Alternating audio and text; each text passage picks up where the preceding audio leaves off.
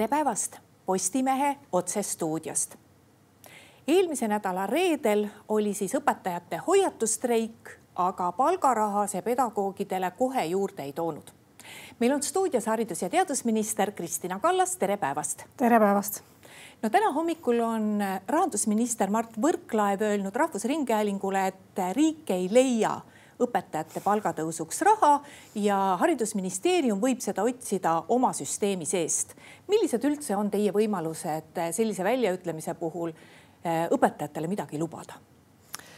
no järgmine aasta tõuseb õpetajate palgafond neli koma kolm protsenti ja seal on see kokkulepe valitsuse tasandil olemas ja ma arvan, et eh, seal hetkel meil tõesti nagu lisavahendeid järgmise aasta eelarvest leida ei ole võimalik aga me räägime ju praegu sellest, et õpetajad ootavad ka seda, et oleks kindel äh, plaan, mis saab järg nelja aasta jooksul, sellepärast et see lubadus on ka antud ja see on aastakümneid antud, et me jõuame saja kahekümne protsendini Eesti keskmisest.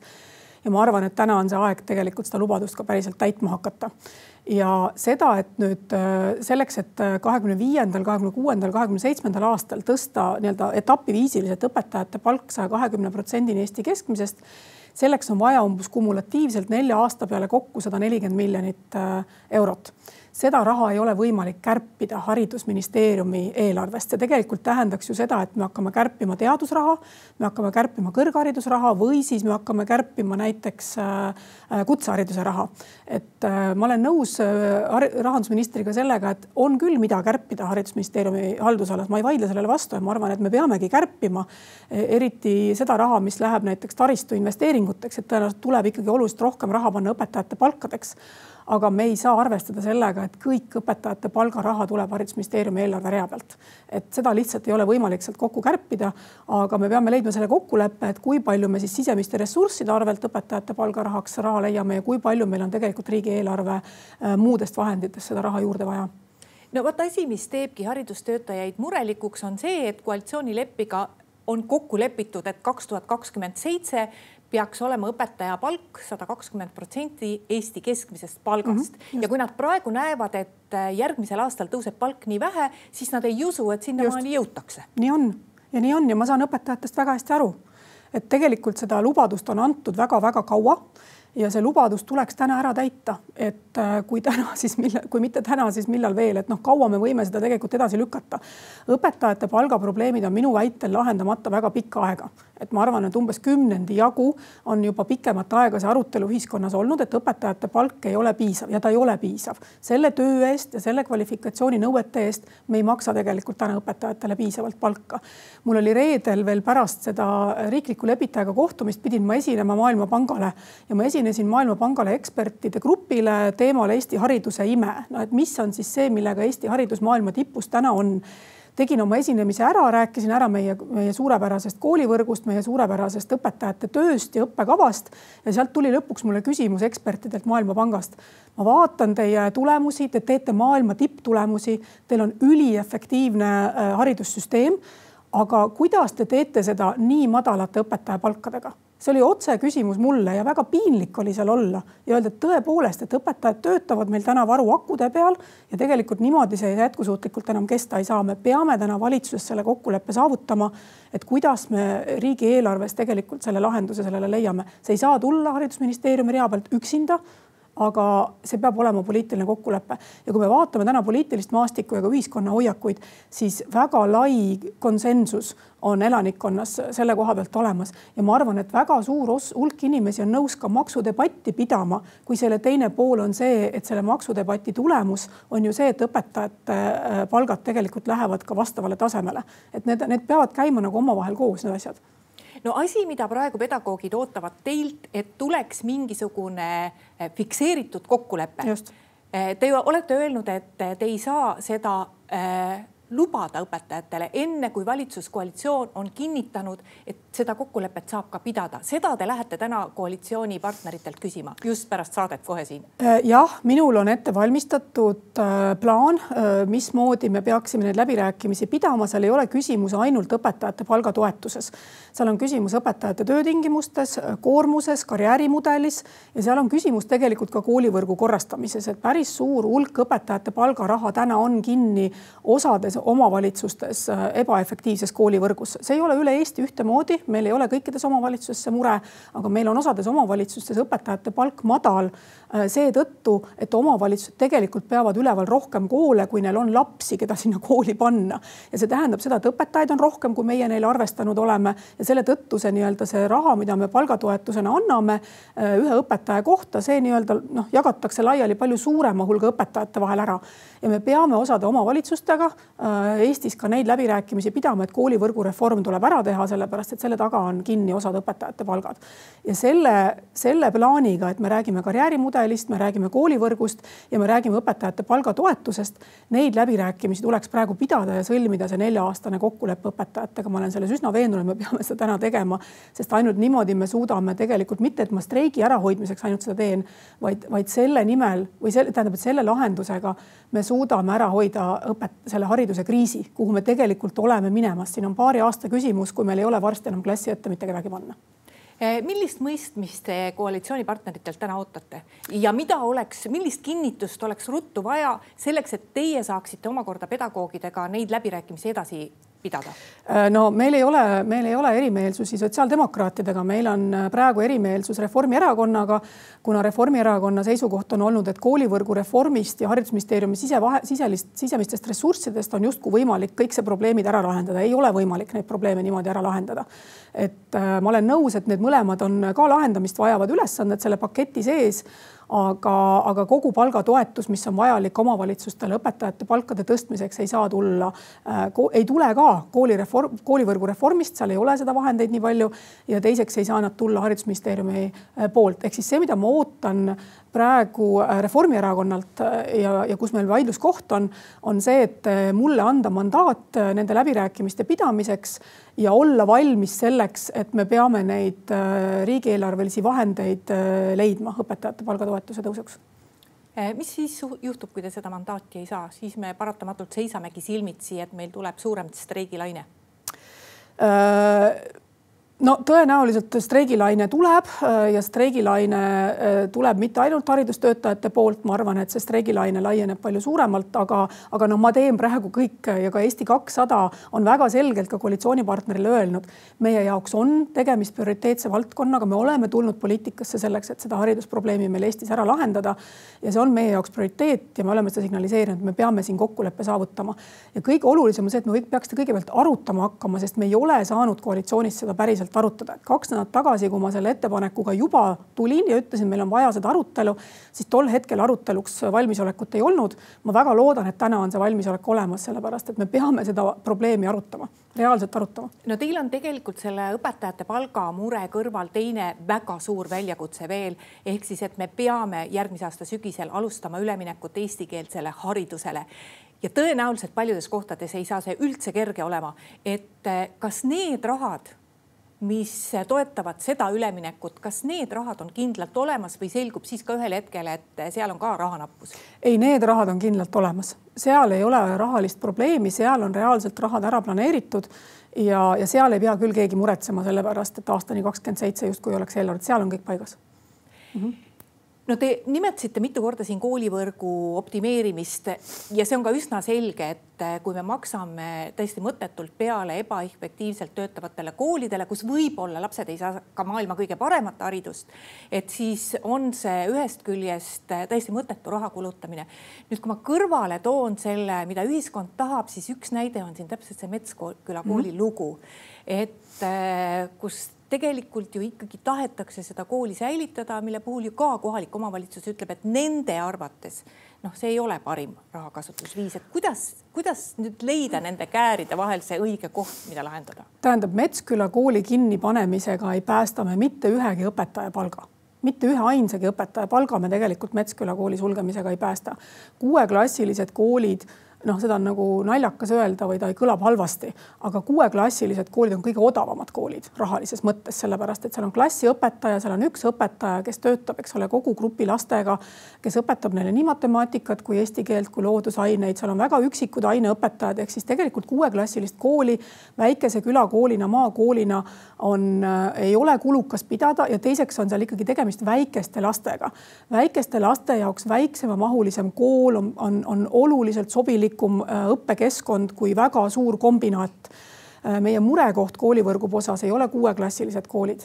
meie murekoht koolivõrgu osas on kolmekümne õpilasega gümnaasiumid, kus ongi kogu gümnaasiumi kolme klassi peale on kolmkümmend õpilast. meil on gümnaasiume, kus meil kolme klassi peale on kakskümmend kolm õpilast ja seal on vaja ju kõiki aineõpetajaid Äh, ja seal tegelikult ka laps ei arene selles mõttes sellises, selles mõttes nagu ta selles vanuses peaks arenema, ei sotsiaalseid nii-öelda äh, seda sotsiaalset kommunikatsiooni ei ole seal piisavalt, seal ei ole võimalik väga palju teha muid valikainete ja selliseid meeskonnapõhiseid õpinguid, sest see seltskond on kakskümmend kolm õpilast kümnendas, üheteistkümnendas, kaheteistkümnendas klassis et äh, ja see, sinna läheb väga suur hulk tegelikult ka omavalitsuste palgaraha nende väikeste gümnaasiumite pidamiseks. meil on Eestis kuuskümmend kuus gümnaasiumi, kus õpib alla saja õpilase kogu gümnaasiumi astme peale ja see on see koht, kuhu me peaksime otsa vaatama ja tunnistama endale, et selliseid gümnaasiume me tegelikult pidada ei jaksa ja seal on, seal on ikkagi küsimus ka õpilaste nii-öelda hariduse, noh, ma ei taha öelda kvaliteedis, vaid valikuvõimalustes ja just nimelt eakohastes Äh, õppimise võimalustes.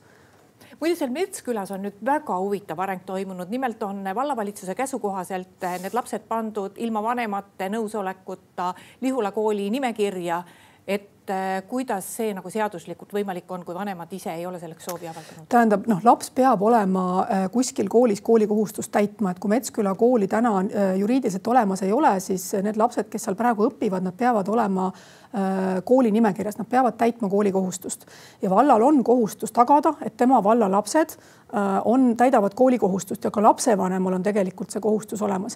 mida ei tohi teha seaduse järgi, on see, et kool ei tohi vastu võtta lapsi ilma lapsevanema nõusolekuta, ehk siis ta ei tohi neid lapsi sunniviisiliselt kooli nimekirja kanda, kui lapsevanem tegelikult selleks nõusolekut ei ole andnud. aga ikkagi siit on sõnum ka lapsevanematele, Metsküla lapsevanematele.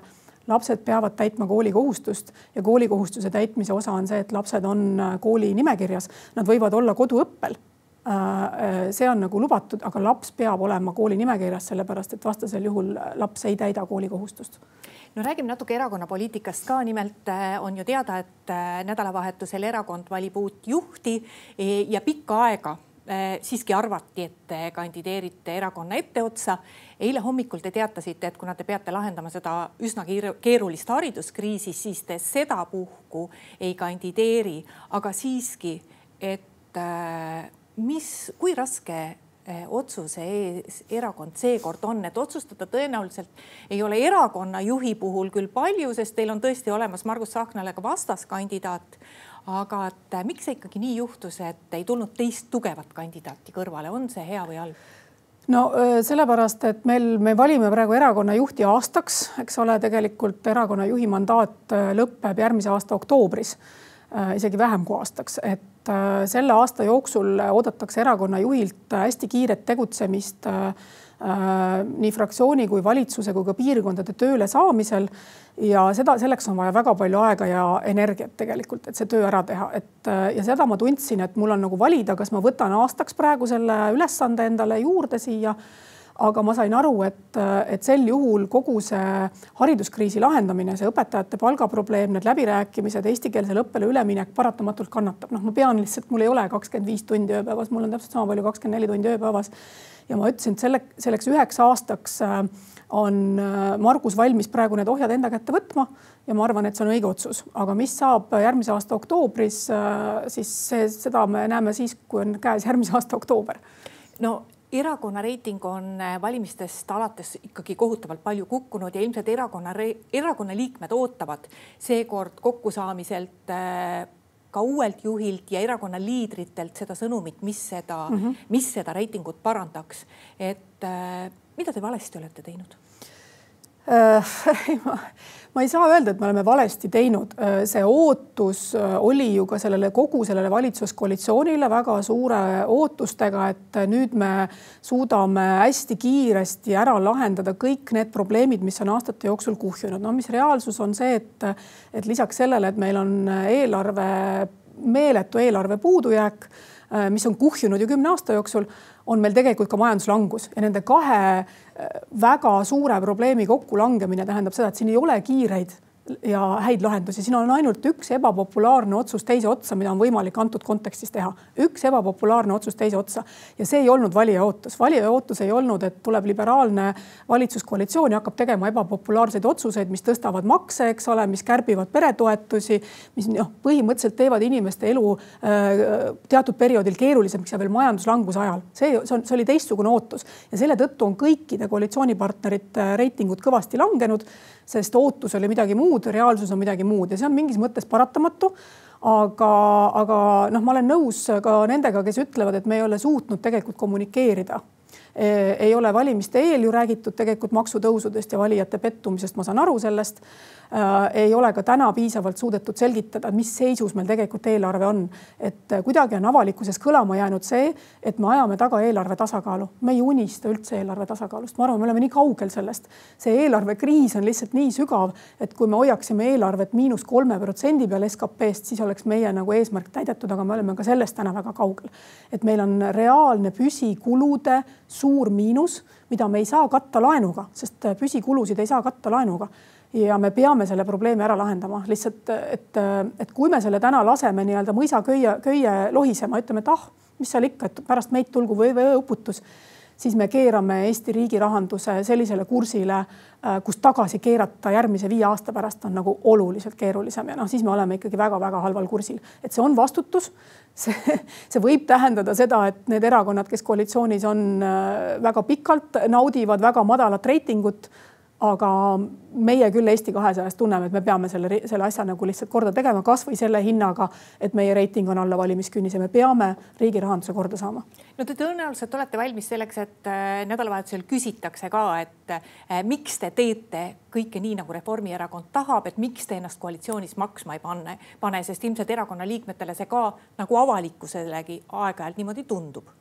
me leppisime kokku koalitsiooniläbirääkimistel juba, et me kärbime et me teeme riigi rahanduse korda, et me kahjuks peame selleks ka makse tõstma. see oli väga valus otsus, aga me leppisime selle kokku, kõik partnerid omavahel leppisid kokku ja seda me praegu teeme et äh, see ei ole Reformierakonna taga jooksmine, see on tegelikult riigi rahanduse kordategemine, kus me juba eelnevalt äh, selle aasta märtsikuus tegelikult leppisime kokku, mis me selleks tegema peame. ja need asjad tuleb ära teha, sest vastasel juhul ma ütlen, et me, me, me ei saa, mina ei saa oma lastele pärast enam otsa vaadata, öelda, et noh, vabandust, ma annan teile nagu äh, Kreeka võraspiraalis edasi riigi rahandusega Eesti, Eesti riigi, noh, see lihtsalt me, me, see, see ei ole Eesti kahesaja mõte siin, siin seda, teha ja me oleme selles kokku leppinud ja me ei ole sellest taganenud, sellest kokkuleppest ja ainult niimoodi tegelikult saab asju ära teha. nüüd kõik, mis puudutab järgmisi lahendusi nüüd siit edasi, kus me ei ole kokku leppinud, me ei ole kokku leppinud õpetajate palga teemal. Äh, me ei ole kokku leppinud, mismoodi me lahendame veel praegust veel jätkuvat suurt miinust, mis meil on jätkuvalt üleval, me ei ole kokku leppinud, kus meil need veel suuremad kärped tegelikult järgmistel aastatel tulevad. ja siin ma küll näen, et meil on natuke erinevad arusaamised koalitsioonis selles ja me peame sellest rääkima hakkama, nii et ma, see ei ole küsimus olnud Eesti kahesajal Reformierakonna taga lohisemises. see on selles kokkuleppes, mis me märtsis-aprillis kokku leppisime, nende kokkulepete ärategemine ja meil on kõigil on ühine eesmärk see, et me saame riigi rahanduse korda. ja veel kord valijatele kinnitan, me ei aja taga eelarve tasakaalu, me ei ole, me saame väga hästi aru, et see on utoopiline äh, plaan praeguses mõttes, me ajame taga seda, et riigieelarve ei ületaks kolme protsenti miinust ja et meie püsikulud ei kasvaks kiiremini kui meie püsitulud. No ma tulen meie jutu alguse juurde tagasi, mis on ikkagi õpetajate probleemid ja kogu see eh, probleemide rägastik on see, mille peate lahendama teie. Ja antud hetkel te vajate koalitsioonipartnerite toetust selleks, et eh, see õpetajaid see ei rahulda, et meil raha ei ole. Te olete käinud välja oma ettepanekud. kas te tunnete seda mõistmist koalitsioonis, et antud hetkel jah, see haridus- ja teadusministri koht ei ole Reformierakonna käes ja võib-olla tundub, et neil on nagu suhteliselt ükskõik, kas Eesti kakssada suudab selle probleemi lahendada või mitte. aga ikkagi te ei saa seda üksi lahendada. kas see kuidas te seda toetust tunnetate? ma ei saa seda üksi lahendada, eriti arvestades sellega, et õpetajate palgad ei ole ka haridusministeeriumi eelarves, ehk siis, et nad on tegelikult valitsuse eelarves, ehk siis nad on peaministri ja rahandusministri nii-öelda käsi, käsitleda, käsitleda. et äh, aga ma tunnen koalitsioonis seda, et sotsiaaldemokraadid on meiega ühes pundis, mul on hea meel, et nad eelmine nädal ka selle selgelt välja ütlesid, et nad taandavad ennast ka peaministri väljaütlemistest et äh, noh, küsimus on, äh, täna on tegelikult küsimus ikkagi ühes koalitsioonipartneris ja temaga kokkuleppe saavutamises, aga ma siiski olen mõõdukalt optimistlik, et me, et ka meie koalitsioonipartner mõistab, et meil on jah, hariduses vaja teha koolivõrgu reformi, meil on vaja kärpida haridusvaldkonna sees ja ma ei vaidle selle üle, seal minu arust vaidlust ei ole. aga see ei lahenda ära äh, õpetajate palga küsimust saja protsendi ulatuses ja seal on tegelikult meil vaja kokkulepet. Ja võiks alustada sellest, et me istume maha ja arutame no ei ole ju saladus, et peaministri viimane väljaütlemine õpetajate kohta või selle kohta, kust seda raha peaks leidma, ei olnud kõige õnnestunum ja peaminister nädalavahetusel ka vabandas selle ees. see kindlasti ei toonud õpetajatesse ega pedagoogidesse mõistmist juurde, see näitas suhtumist. olete Kaja Kallasega ka, kas te vahepeal rääkisite omavahel ka, et, et kas teie pidite talle ka selgitama, et võib-olla ei ole kõige parem nagu sellisel moel eh, arvamust avaldada, see oli tõesti väga ebaõnnestunud. Äh, ma ei ole, ma ei ole temaga suhelnud, aga, aga noh äh, fakt, mida peaminister ilmselt üritas öelda, küll ebaõnnestunud moel, aga fakt on see, et me kogu aeg kasvatame püsikulusid, õpetajate palgad on ju püsikulud eelarves, aga me peame leidma lahenduse ka püsituludele, et kui me tahame sellist riiki, nagu me tänaseks ta üles ehitanud oleme, tasuta kõrgharidus, teadusesse üks protsent, kaitsesse kolm protsenti, õpetajate palgad kasvavad, eks ole, päästjate, politseinike tööpuuduse lahend-, tööjõupuuduse lahendame sellega, et me tõstame palkasid siis me ei saa seda pidada nii madala maksubaasiga. see on lihtsalt reaalne õige vastus ja peaminister üritas seda, seda seal sõnastada äh, ja öelda, et tegelikult meil on maksutulu äh, probleem Eestis, et me kõik oleme nõus sellega, et neid asju tuleks teha, aga meil on vaja ära lahendada see maksutulu probleem. ja tegelikult on see arutelu koht praegu ühiskonnas, millist riiki me tahame. kas me tahame sellist riiki, nagu meil tänaseks on, kus meil suur osa asju on tasuta Äh, meil on, meil on heaoluriik nii-öelda äh, sarnane Põhjamaadega, kus meil on väga tugev avaliku sektori toetus inimestele, peretoetused, haridustoetused ja nii edasi. Äh, kõrgharidus on tasuta. kui me sellega, kui me tahame sellist riiki, siis meie maksubaas peab muutuma, me peame saama tegelikult oluliselt suuremat maksutulu, sest praegu meil on maksutulu nagu Bulgaarias, aga avalikud teenused varsti nagu Soomes, et noh, lihtsalt ei lähe kokku omavahel. Kristina Kallas, aitäh tulemast stuudiosse ja aitäh ka kõigile neile, kes meid vaatasid. Postimehe järgmine otsesaade on eetris homme. seniks lugege uudiseid postimees.ee. Bye.